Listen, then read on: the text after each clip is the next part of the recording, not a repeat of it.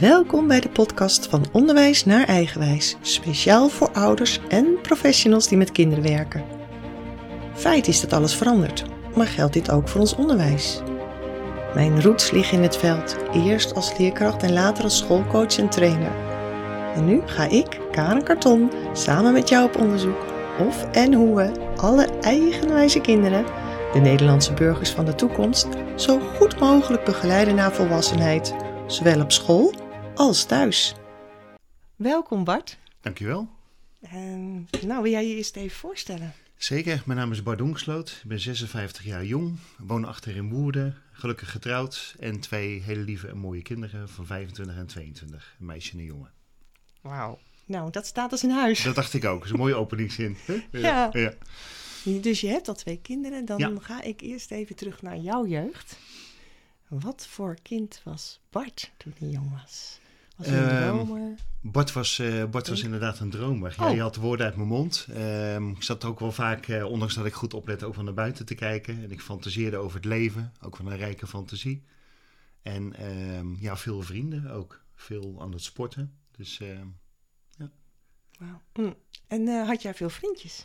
Zeker. Ja, ik denk dat ik eh, twee echte goede vrienden had. Hè, met wie je ook eh, dingen deelde. En met wie je wat intensiever eigenlijk bezig was. Maar ook heel veel vrienden om te voetballen, om te sporten. ehm, om dingen mee te maken. Dus ehm, ik vond hem wat dat betreft wel rijk. Als we teruggaan naar de jonge Bart. Mooi. En jij zei met die vrienden nog even had. Eh, heb je die vriendschap dan niet meer? Of toch nog? Nou, ik denk dat eh, de, en, eh, en een goede vriend van vroeger heb ik nog steeds. Die is momenteel in Zwitserland. En ja, dat is nog echt een van mijn beste vrienden. En een aantal vrienden, ja, ik denk dat relaties zich weer opnieuw ontwikkelen. Hè. Ik heb wel nog via LinkedIn nog wel eens dat ik oude schoolvrienden feliciteer. Maar het echte zien, dat is eigenlijk meer sporadisch geworden. Je ziet dan toch na verloop van jaren dat je elkaar uit het oog verliest. Op een aantal goede mensen na. Ja. En de reunie wel eens gehad?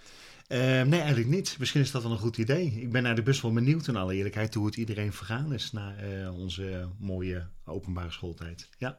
Dus je weet is dat nog wel eens een heel goed om eh, dat eens op te pakken, in Ja. alle eerlijkheid. Ja. Ja. En uit wat voor gezin kwam jij?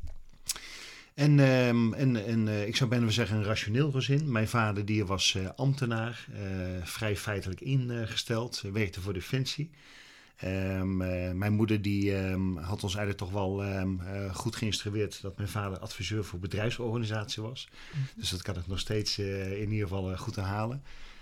Ik denk een hardwerkende man, wat ik zo kon gadeslaan. En ja, iemand die altijd netjes 's ochtends een pak naar zijn werk ging. En, en dan op tijd thuis was voor het eten. En vaak ook op zaterdag nog werkte. Dat kwam vroeger nog wel eens voor. Met een typemachine. Hè? Maar dat is voor sommige luisteraars misschien wel heel lang geleden.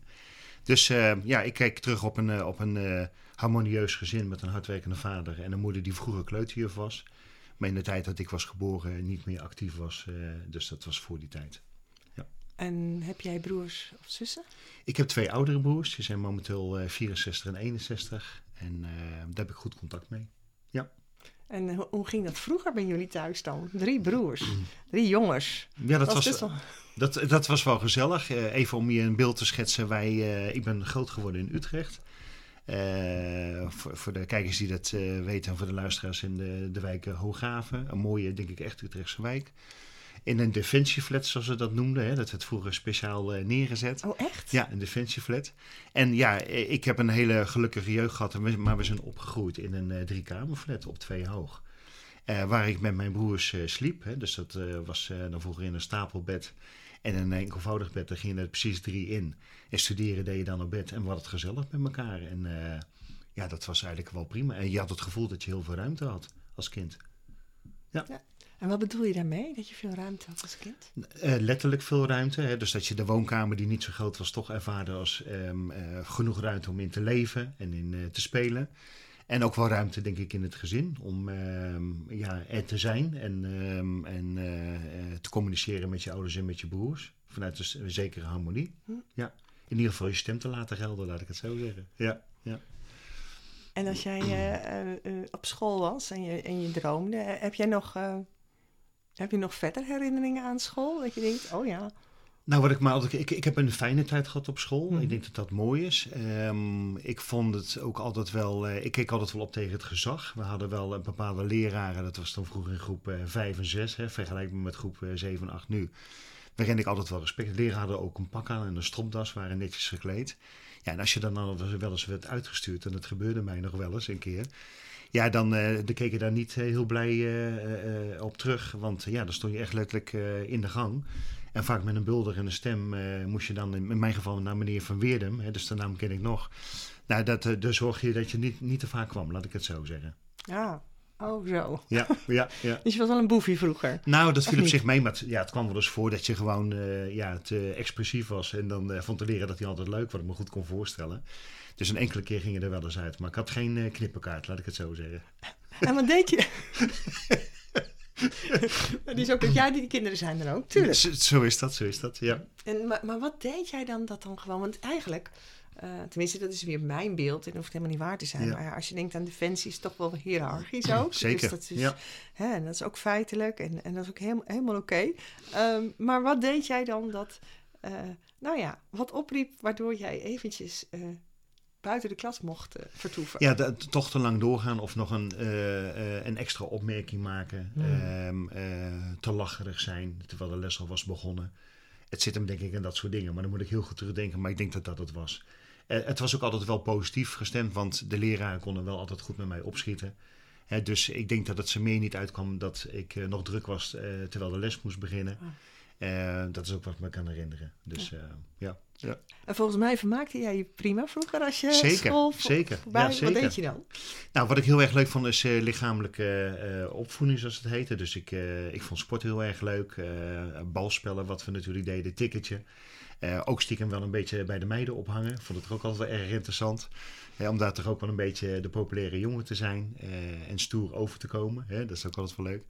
Dus ja, een mooie tijd met veel vriendjes en veel plezier. En ehm, ja, een tijd die ik wat dat betreft zo ook weer over zou kunnen doen.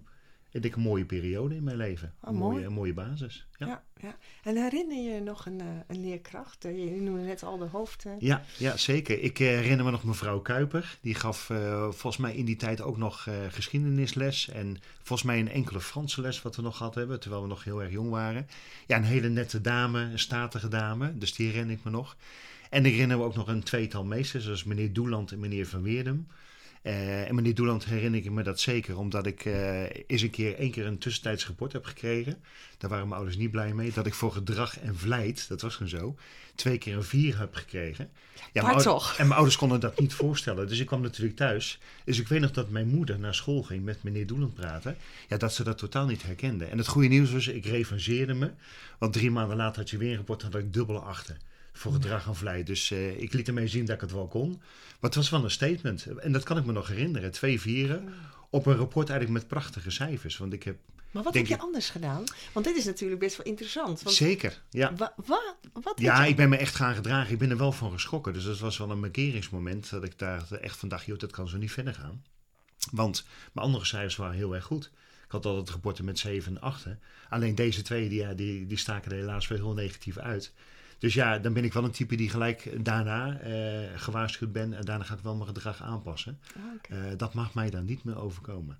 Oké, en ja. je past je aan. Ik pas me aan. Ja, ja, ja. Ja, dat doe ik zeker. Ja. Ja, dat is dan eens, maar nooit meer. Ja. Wel met behoud van authenticiteit. Maar het is wel zo dat ik dan wel eh, nadrukkelijker ga luisteren. Meer laat zien dat ik mijn best doe. Ja, dus het moet wel opvallen bij de meester. Dat hij dan bij de Brave volgende- jongetje. Zeker, zeker. Oh, ja, oké, zeker. Ja, zeker. Ja, ja. En, en werd- moest je dat dan niet ergens compenseren? Of was het dan ook iets wat dan gewoon van jou werd?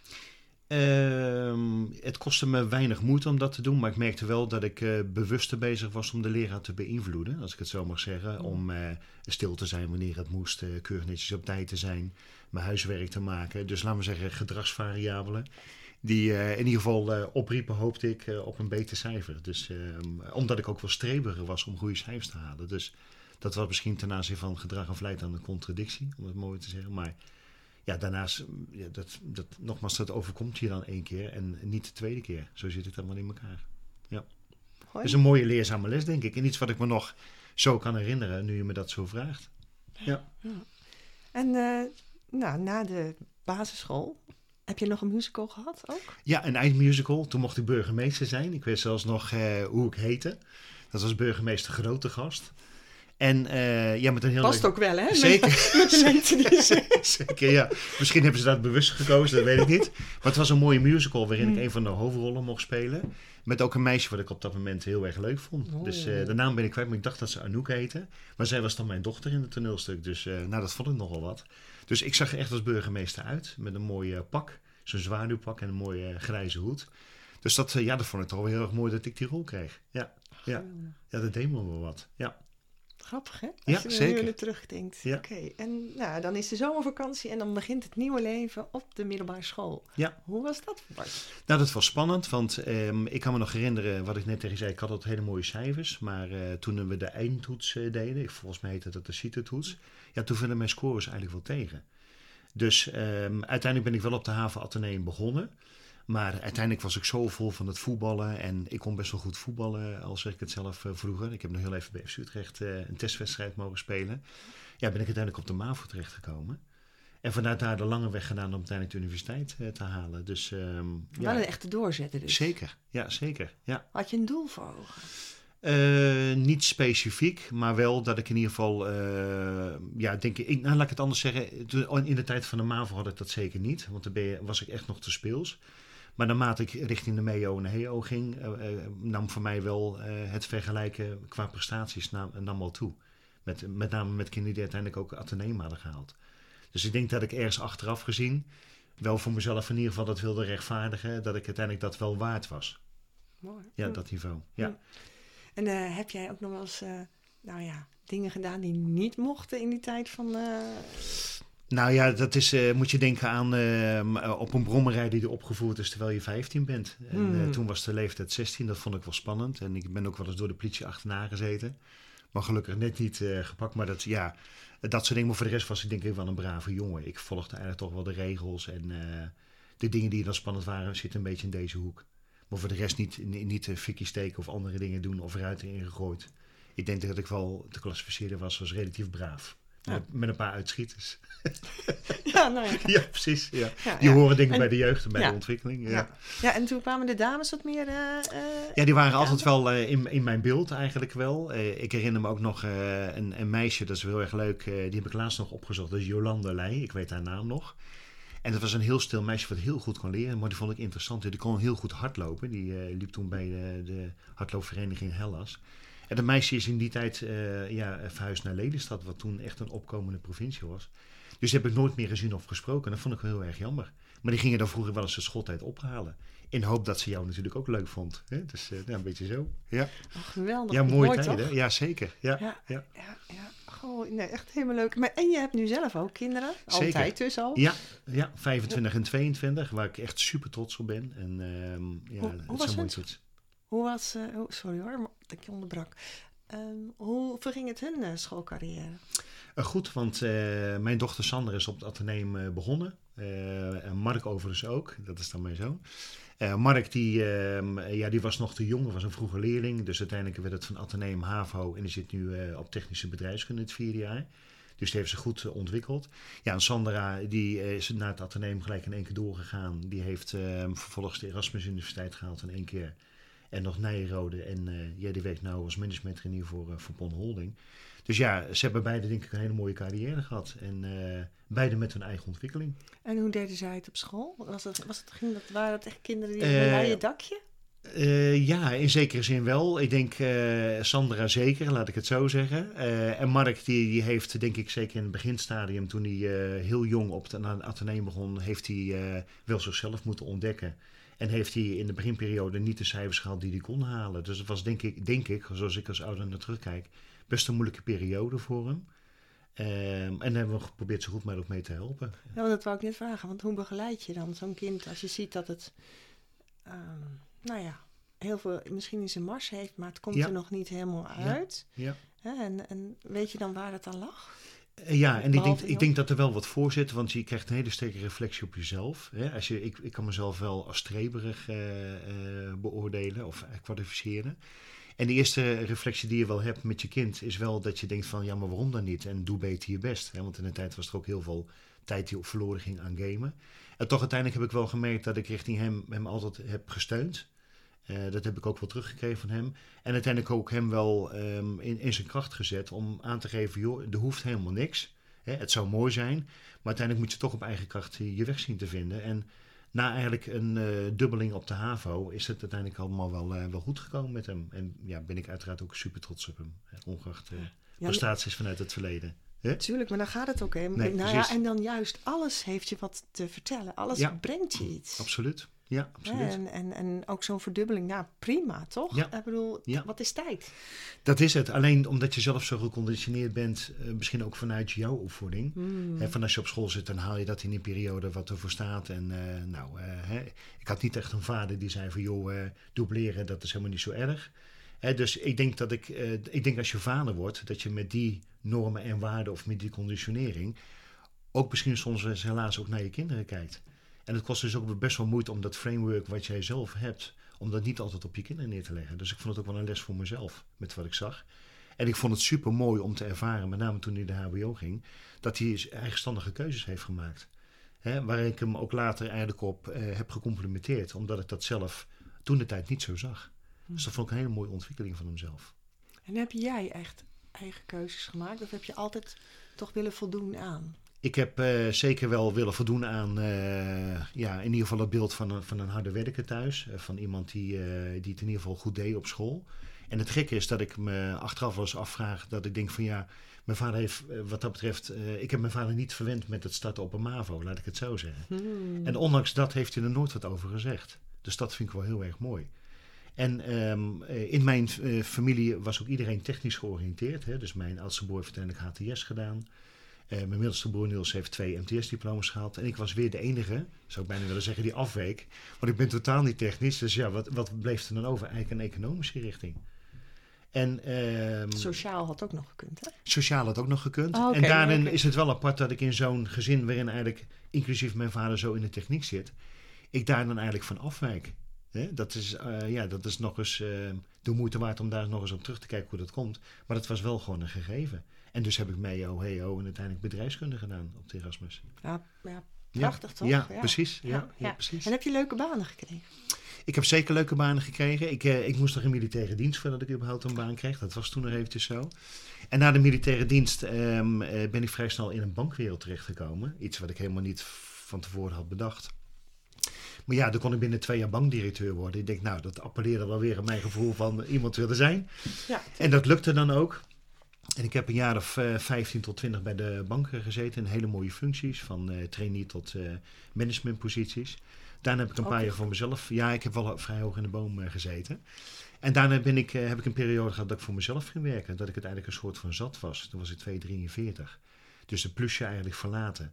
En ontdekte of ik het ook zelf kon. Dat heb ik drie jaar gedaan. En uiteindelijk vanuit daar ben ik in de banen terechtgekomen waar ik nu heb gezeten. En heb ik eigenlijk wel van een hele economische hoek, hè, vanuit, uh, vanuit die kant meer de techniek ingekomen. Toch? Uh, heel toevallig, heel toevallig. Ja, dat is, een mooie, dat is mooi dat ik dat terecht ben gekomen.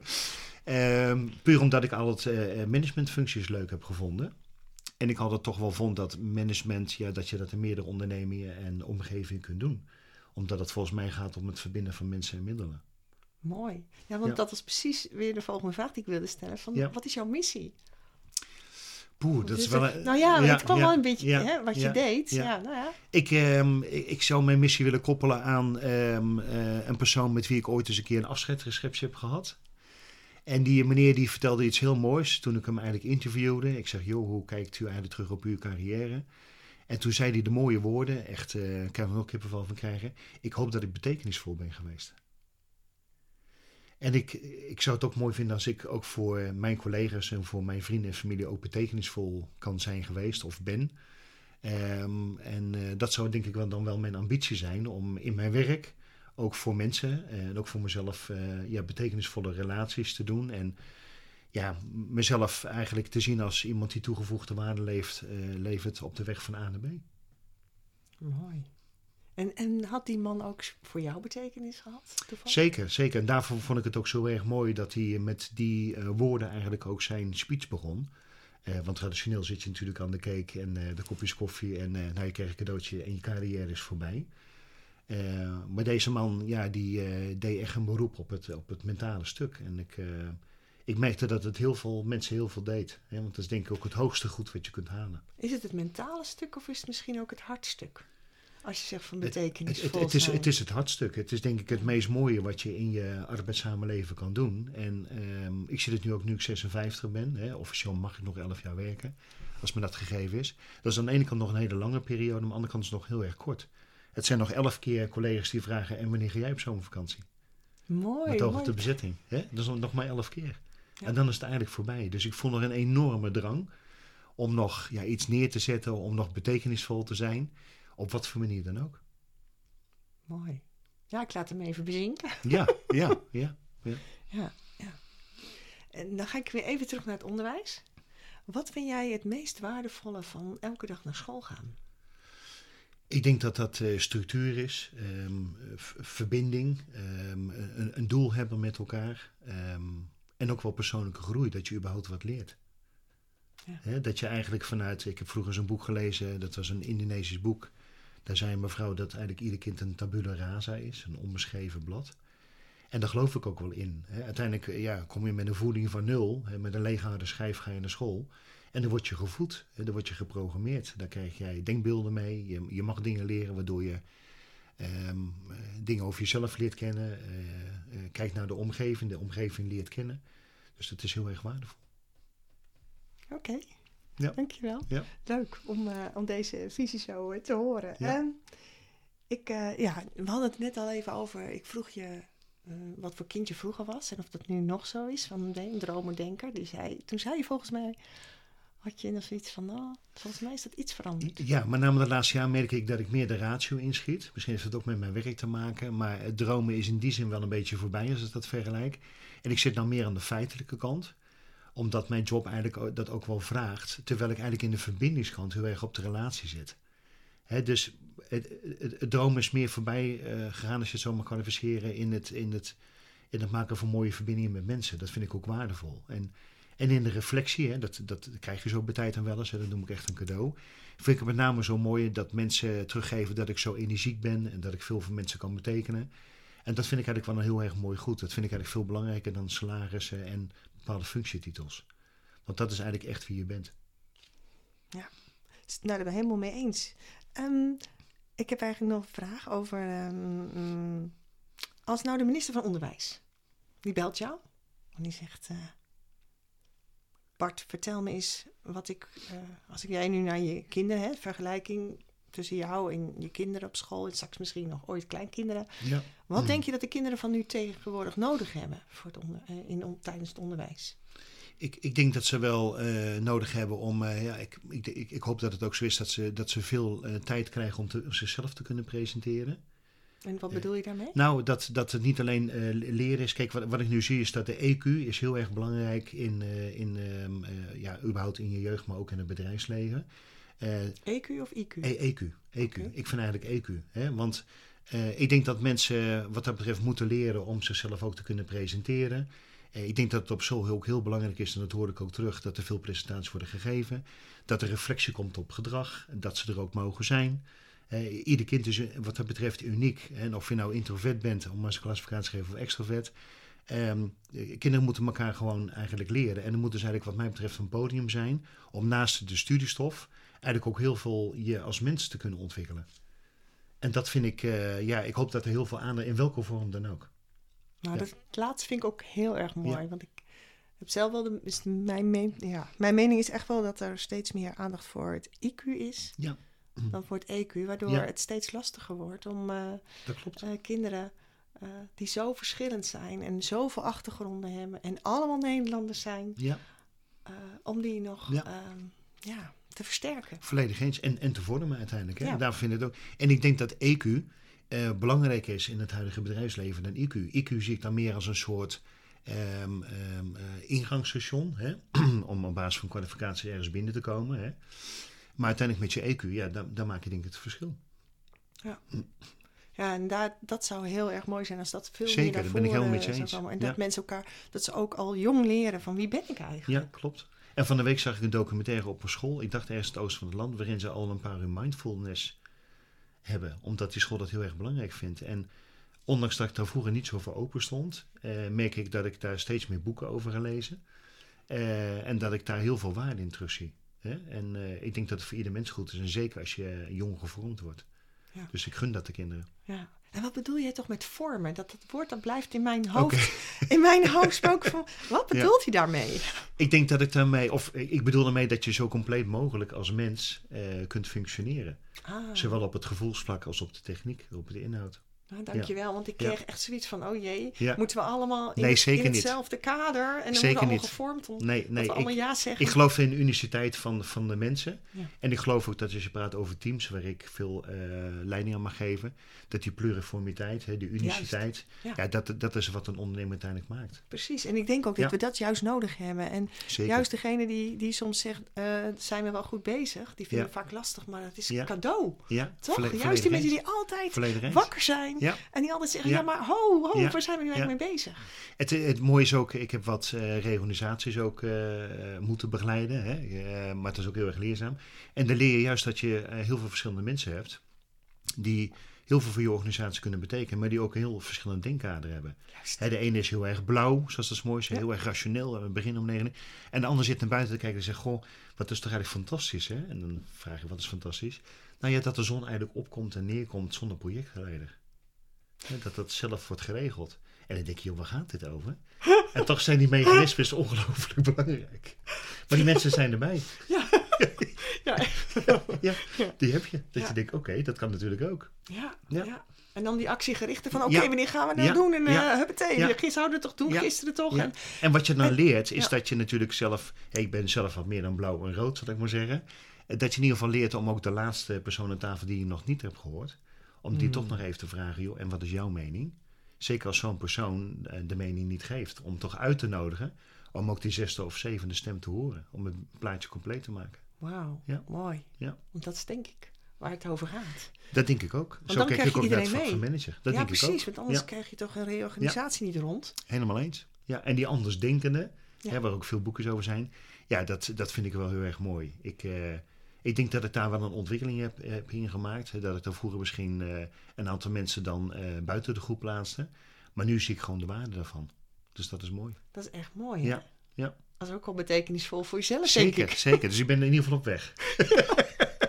Ja, zeker, ja. Nee, zeker, ja. Wat zou jij zeggen tegen kinderen die heel graag naar school gaan en, en, en, en hun ouders? En eh, tegen kinderen die gewoon moeite hebben met naar school gaan? Op welke, om welke reden dan ook? Ja. Ik denk, laat ik bij de eerste mm, positieve categorie beginnen. Dat die kinderen in ieder geval ook zorg hebben naar de kinderen die eh, zichtbaar meer moeite hebben om naar school te gaan. Om daar verbinding mee te maken. Eh, wellicht ook op hun niveau eh, ook te vragen waar ze de hulpvraag kunnen stellen, waar ze kunnen helpen. Uit te nodigen om te sporten. Uit te nodigen om actief te zijn. uit te nodigen om uit te gaan. Hè, naar discotheken en dat soort dingen. Ehm, en naar de kinderen die ja, minder goed in hun vel zitten, ja, dat vooral ook bespreekbaar te maken eh, bij de leerkrachten. Ehm, en ook vanuit de leerkrachten te kijken of die kinderen gewoon op hun eigen merites en hun eigen tempo zichzelf ook kunnen ontwikkelen. Want ja, in ieder mens zit natuurlijk een pareltje. Alleen ja, dat ene pareltje, sommigen die schijnen van zichzelf en anderen moet je oppoetsen. Prachtig. Ja. Ja, Ja. heel erg mooi. Eh, ik ga je even wat vragen stellen. Dat is goed. Een, een, eh, een A of een B keuze. En Ja. dan mag je daarna nog eventueel toelichten als je zegt, nou, hier bleef ik nog even. Dat is goed. Dat was, dat was lastig. Ja, dat is goed. Ja. Ehm, geïnspireerd of aangeleerd? Geïnspireerd. Denken of doen? Denken.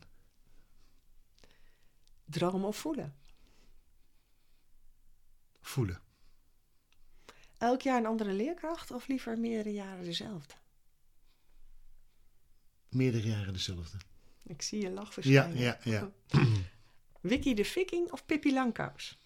Wiki de Viking. Ja. Kinderen directief benaderen of hen volgen? Hun volgen. Reken of taal? Rekenen. Praktijk of theorie? Poeh, dat is een lastige. Ehm praktijk. Lesuren als strippenkaart of het huidige schoolsysteem? Het huidige schoolsysteem. dankjewel. Wil je er eentje toelichten? Ja, praktijk en theorie. Dat vond, ik, wel- dat vond ik wel een lastig, want aan de ene kant ben ik ook echt wel een praktijkmens. Maar ik doe vanuit mijn gedachtegang om dingen te benaderen ook wel veel vanuit de theorie. Dus ik merk dat ik daarin wel een ontwikkeling heb eh, gemaakt. Hè. Dus ik ben wel vooraf nu over dingen aan het nadenken voordat ik ze poneer. En dat is de laatste jaren meer merkbaar dan, eh, dan voorheen. Oké, ja? Ja, dat vind ik wel, ja. Ja, dat merk ik. Ja. Heb ik daar meer rust in gevonden? Of misschien ook door de ervaring die je hebt, omdat je al een aantal jaren meedraait. Maar ik spring meestal niet meer zomaar in een gat. Hmm. Ja. En, en er kwam. eh, een- een- ik zit ook nog te denken van. eh, hoe gaat het thuis? Eh, oh, eh, even nog terug Ja. toen jij met je vrouw van. Oké, je kinderen ontwikkelen zich. Hoe hebben jullie dat samen ehm, nou, rondgekregen? Want je komt alle twee vanuit een heel andere achtergrond. Zeker, zeker. Eh, de liefde Ja. zijn liefdescreaties, hè? Kinderen Ja, zijn je, ja. liefdescreaties. Maar dan, dan Ja. zeggen ze een kind nee of doet iets. Ja, dat is Hoe zeker. deden jullie dat? Dat is een hele goede vraag. Eh, het begon eigenlijk al met het feit dat mijn vrouw Nederlands gevormd eh, was en is. En ik heb geen gelovige achtergrond. Hè. Ik had wel een hoog norm- en waardeniveau. Eh, op zondag moesten wij ook wel vaak eh, onze nette kleren aan, laat ik het zo zeggen. Ik denk dat dat ook de match was tussen ons. Maar we hebben bijvoorbeeld bewust gekozen om onze kinderen ook eh, in de basisonderwijs eh, een christelijke opvoeding mee te geven. Eh, om ervoor te zorgen dat ze breed georiënteerd zijn. Ehm, en ik, ik hoop dat ze daarmee een cadeau hebben gegeven. En wat we ons allebei typeert is wel het ondernemerschap. En de energie om wat van ons leven te maken. En dat hebben we op ons kinderen wel eh, eh, meegegeven. En ik denk dat ze dat wel hebben meegekregen. Dus eh, ik denk dat we veel raakvlakken hadden, veel gemeenschappelijkheden. Eh, en de uitzondering hebben kunnen managen. Wat mooi. Ja. En wat doet je vrouw? Mijn vrouw is ondernemer. Die, zit, eh, die heeft al 16 jaar een heel mooi bedrijf. Twee eh, praktijken eigenlijk. En die helpt dames die geconfronteerd zijn met borstkanker. Oh. Dus dat is een heel ander métier waar ik in zit. En eh, ja, dat doet ze ontzettend goed. En die onderneming hebben we 16 jaar geleden vanuit het niets opgericht. En is nu ja, echt een heel mooi bedrijf. Waarin ik haar heel af en toe nog even help, met name met de zakelijke kant. Maar zij is echt ontzettend goed met dames die helaas geconfronteerd zijn met borstkanker. En wij eh, adviseren en verkopen dus de, de, de uitwendige protheses en de badmode en de lingerie. Wow. Dus ehm, ik ben daarnaast dus ook geschot de afgelopen jaren in BH's en in maten en in cups. En we doen de inkoop, dus ehm, ik heb mezelf ook nog wat breder georiënteerd. Ja, ja, en ik weet wat het is. En ik zie ook heel mooi terug hoe dames in het leven staan. Die dit is, hè, de, de een is eh, pittig gebleven. De andere die geniet nog meer van het leven. Je hebt het al van elkaar. Sommige vrouwen krijgen het nog als ze 85 zijn. En ik vind dat Adrie, hè, alle respect ervoor, met alle type mensen goed om kan gaan. Ehm, helaas heeft ze zelf ook eh, een aantal jaar geleden borstkanker gekregen. Oh. Dat lag natuurlijk niet in de planning. Eh, maar dat is dan zo'n steen in de vijver die, eh, die komt. Waardoor ze denk ik haar vak met nog meer verven doet. Ja. Eh, zonder dat ze aan de psychologische kant zit. Hè, maar eh, het begeleiden van dames in dit vak is denk ik wel heel mooi. En ik denk dat dat wel een, eh, een mooie droom is die voor haar is eh, verwezenlijkt. Dus eh, het is een harde werker en veel respect voor haar. Ze Ja, goed. zeker. En fijn, helaas zijn deze zaken liever niet nodig. Hè, want Ja. dat betekent dat er geen vrouwen met borstkanker zijn. Maar het komt helaas nog te veel voor. En als er dan toch een zaak is met mooie kledij, waarin dames weer hun zelfvertrouwen kunnen opkrikken. Ja, dan zijn we fijn dat we daar een rol in kunnen spelen. Wat Ja. mooi zeg. Ja. Ja. En ook even in een notendop een heel verhaal. Zeker, zeker. Ja, Zo, ja, met alles zeker. wat erop en eraan Ja. zit. Ja, zeker. Ja. Ja. Ja, jee, zo. Oké, nou die zag ik niet aankomen. Nee, daarom. Maar dat, wordt, eh, ja, dat is wel het leven natuurlijk. dat En, dat eh, hoort er gewoon bij. Hè? dus ja. los van alle mooie zichtbare kanten in materieel opzicht. Hè? Ik denk dat we mogen stellen dat we heel erg rijk zijn. Ook qua gezondheid. Maar ik denk dat iedereen wel stenen in de vijver krijgt. En dat heeft gewoon te maken met leeftijd. En hoe ga je met die stenen in de vijver om? En, eh, en hoe kijk je dan ook als mens? Hè, kijk je daar doorheen, weet je dat ook te. En daar is vriendschap ook ontzettend belangrijk, waar we in het begin van het interview over hebben. Welke echte vrienden staan er dan op dat moment? Ja. En, en zorg jij er dan ook zelf voor dat je op dat soort betekenisvolle momenten er ook bent voor je vrienden? Dat je die steen in de vijver herkent. Ja, Ja, mooi. Ja, ja dat is belangrijk. ja, dat, ma- ja maar het Ja. geeft even, voor mij dan even heel eerlijk, een heel ander beeld van hoe we beginnen. Ja, Maar er komt hier een, een, nog een hele andere kant eh, naar Zeker. voren. Want dat deed dat met de kinderen. Want dat is ook natuurlijk dus hun mama. En dan gebeurt er iets. En Ja. we gaan allemaal door met ons leven. Ik, ik weet nog dat ik in de tuin stond. Dat was voor mij echt een. ehm, eh, het was eigenlijk heel erg vreemd. We zouden eigenlijk voor een routinecheck gaan. En eh, ja, plotseling hoorde ik een soort vage stem zeggen: U heeft borstkanker. Noem het maar. Het was een arts hè, in het Antonisch ziekenhuis. En twee uur later plan je heel droog een soort afspraak om te, geopereerd te worden. Eh, en dan, ga, dan, was het mijn taak, vond ik, om het aan de kinderen te vertellen. Toen, eh, ik denk eh, misschien 12 en 8 of 9. Hmm. En ik weet dat mijn dochter dat hoorde en heel hard is weggerend. En mijn zoon is door gaan spelen. Die gezag had als een mededeling van, joh, prima. En ik pak even chocomello en dan ga ik weer verder. En ik zou eigenlijk nog eens aan mijn dochter moeten vragen, in alle eerlijkheid, wat het uiteindelijk met haar heeft gedaan. Maar haar reactie was wel emotioneel. En was zij de jongste? Zij was de oudste. Zij was de oudste. Ja, ja dus zij is nu 25 en ze schelen drie jaar. Dus ik denk dat zij een jaar of twaalf moet zijn geweest, denk ik zo'n beetje. Dus ja, dat is denk ik heel erg impactvol geweest. En ik weet dat ze nog wegrenden naar de mededeling. En ja. Nou ja, dat was het. En ik stond in de tuin, dat weet ik ook nog. Om dat, om dat mede te delen. Ja. En je zoon ging gewoon door met Ja. Maar die is ook jong en het is Ja, die had zoiets van, joh pa, nou, het, nou, is zo. het is zo, maar ik ga weer verder spelen. Ik denk dat is ook heel erg goed ga ook ja, verder spelen. Ja, ja, mooi. En uiteindelijk is dat uh, ja, binnen de grenzen goed afgelopen. Hè. Dus ze mag gelukkig al uh, de afgelopen twaalf jaar terugkijken op uh, nou, dat ze in ieder geval geen nieuwe symptomen heeft gekregen. Dus we hopen en we kijken dagelijks dat het allemaal goed mag blijven gaan. Hè. Eigenlijk denken we er niet meer aan. Dat is ook oh, wel een soort vorm van luxe, denk ik. Maar tot nu toe gaat het hartstikke goed. En misschien heeft het wel een bepaalde symboliek dat ze toevalligerwijs in dit vak terecht kwam. Ja, ja. want dat, dat was ze eerst en toen... Ja, ze heeft bij Hunkenmudde altijd gewerkt. En toevallig, omdat ze in Den Haag werkte, uh, was die vestiging zo dat ze daar uitwendige protheses verkocht. En dat heeft er altijd wel gebiologeerd. En toen was er zoiets van, joh, wat ga ik doen? Nou, wat ik al vertelde, we waren allebei van het ondernemerschap. En ze had een vriendinnetje bij wie we in Groningen waren kijken. En haar moeder had zo'n zaak. Ik zeg, joh, volgens mij moeten we zo'n zaak beginnen. Toen hebben we een collectie gekocht. We begonnen in onze woonkamer, of sorry, in onze slaapkamer. Die was behoorlijk groot. En het is nu nog steeds een lingerie shop. Dus als je binnenkomt, hangen daar BH's, badmolen en noem maar op. En we zitten in het FC te staan en met een grote praktijk. En zo zijn we lekker begonnen. En we vierden het succes dat er, uh, na het openen van de website... er een dame was die toch bij, bij ons de eerste BH is gaan kopen. Dus uh, dat is mooi. Prachtig. En intussen ja, heeft ze zo'n mooie voorraad en doet ze het zo goed... dat, uh, ja, dat het eigenlijk gewoon een gewoonte is geworden van iedereen. Hè? Ik zie een hele trotse man. Zeker, dat, ben ik ook zeker. Ja, ja dat is heel prachtig. Ja, ja, ja. ja, ja.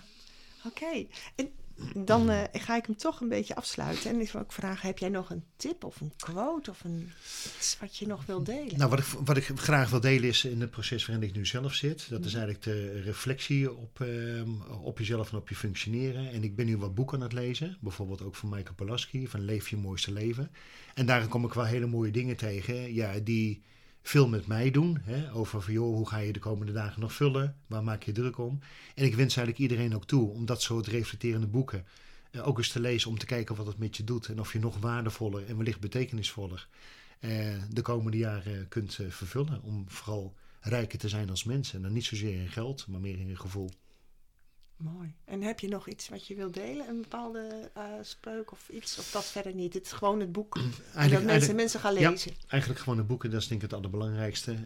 Um, omdat het mij ook gewoon raakt. Het houdt mij bezig. Het is niet alleen maar dat je de machine moet zijn. Maar er zijn heel veel meer kanten van het leven. Het leven is mooi, het leven is kort. En probeer er alles uit te halen. Dus leef je mooiste leven. Leef je mooiste leven. En dat zou een hele mooie zijn om af te sluiten. En toch vraag ik je dan, wat zouden we, hoe zouden we dit op school al kunnen doen? Want hè, eh, nou, we zijn toch al wat ouder. Hoe zouden we dit hè, zo licht mogelijk toch op school ook kunnen implementeren? Ja, ik denk, ik denk dat dat een mooi voorbeeld is van wat ik van de week zag over dat mindfulness. Zo'n school die heel bewust kiest om kinderen eh, s ochtends een bepaalde rust mee te geven en dingen te overdenken. Ik denk dat het heel erg waardevol is. En ik, ik, uh, ik zag er een paar jaar geleden niet zo het nut van in, mhm. misschien te rationeel.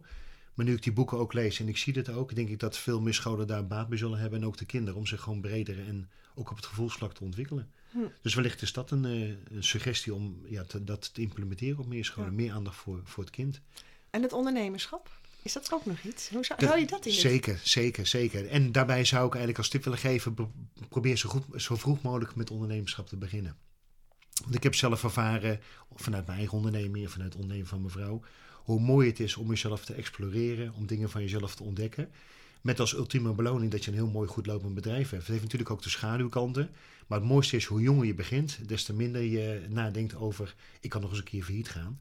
Dus ehm, als je voelt dat je ondernemerschap in je hebt, begin dan het liefst op hele jonge leeftijd met ondernemerschap. Uh, zoals ik vroeger ook deed met het verkopen van jassen en het verhandelen van allerlei dingen, uh, het verkopen van brommers om uiteindelijk toch eh, te zien wat het met je doet. En dat is onwijs mooi. Dus ondernemerschap zou ik ook willen stimuleren, absoluut. Ja, ja. En, en zou jij eventueel, als, als ik dat zo naar voren zou komen, zou jij dat zien zitten om eh, een groep kinderen eens te vertellen over ondernemerschap? Zeker, Want zeker. ik denk echt, Het lijkt me ontzettend leuk. Als die kans wordt gegeven, doe ik dat met heel veel eh, liefde en plezier. En misschien nog wel iets wat ik me kan herinneren. Alleen dat zijn niet zozeer de kleinere kinderen, maar ik heb dat een keer mogen doen voor de universiteit. Eh, van Utrecht ben ik eens een keer eh, voor 20-jarige studenten uitgenodigd om iets te vertellen over, over leiderschap. En wat ik me nog kan herinneren is dat ik dacht van, goh, hoe ga ik me hier nou introduceren? En ik ben eigenlijk op een stoel gaan zitten en ik heb acht dingen van mezelf opgeschreven. Over opleiding vraagteken, leeftijd vraagteken, type auto vraagteken. En ik heb eens gekeken van, zouden deze mensen in staat zijn aan de hand van wie ik ben, om te raden hoe dat voor mij zit? En het mooie vond ik gewoon dat 9 van de 10 studenten feilloos konden aangeven wat ik voor persoon was. En dat, dat intuïtief denken en dat, dat gadeslaan en dan voor jezelf kijken wat voor type mens is dat. Ik denk dat het ook wel heel erg mooi is om dat gewoon eens te ervaren. En je ziet verrassenderwijs dat wie je bent en wat je uitstraalt, dat mensen al een eerste blik hebben. En de uitnodiging die ik ze willen doen is om achter die eerste blik ook te kijken of er ook nog een tweede blik is. Ik denk dat we hiermee af gaan sluiten. Die vind ik zo mooi. Mooi? Ja, Dank je wel voor dit prachtige gesprek. eh, jij ook, jij ook erg bedankt. Ik vond het heel inspirerend en heel energiegevend. Dus eh, veel succes en heel graag gedaan. Dank je wel. Dankjewel voor het luisteren. Als je nog een vraag hebt of wil reageren, stuur me dan een berichtje via karen.krachtstroom.nl Karen schrijf je met een E en krachtstroom schrijf je met de letters K, R en dan het cijfer 8. Het staat voor de verbinding van hoofd, hart en buik.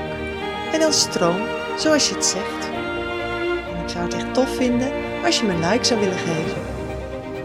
Wens je een stromende dag vanuit jouw oneindige kracht. Veel geluk!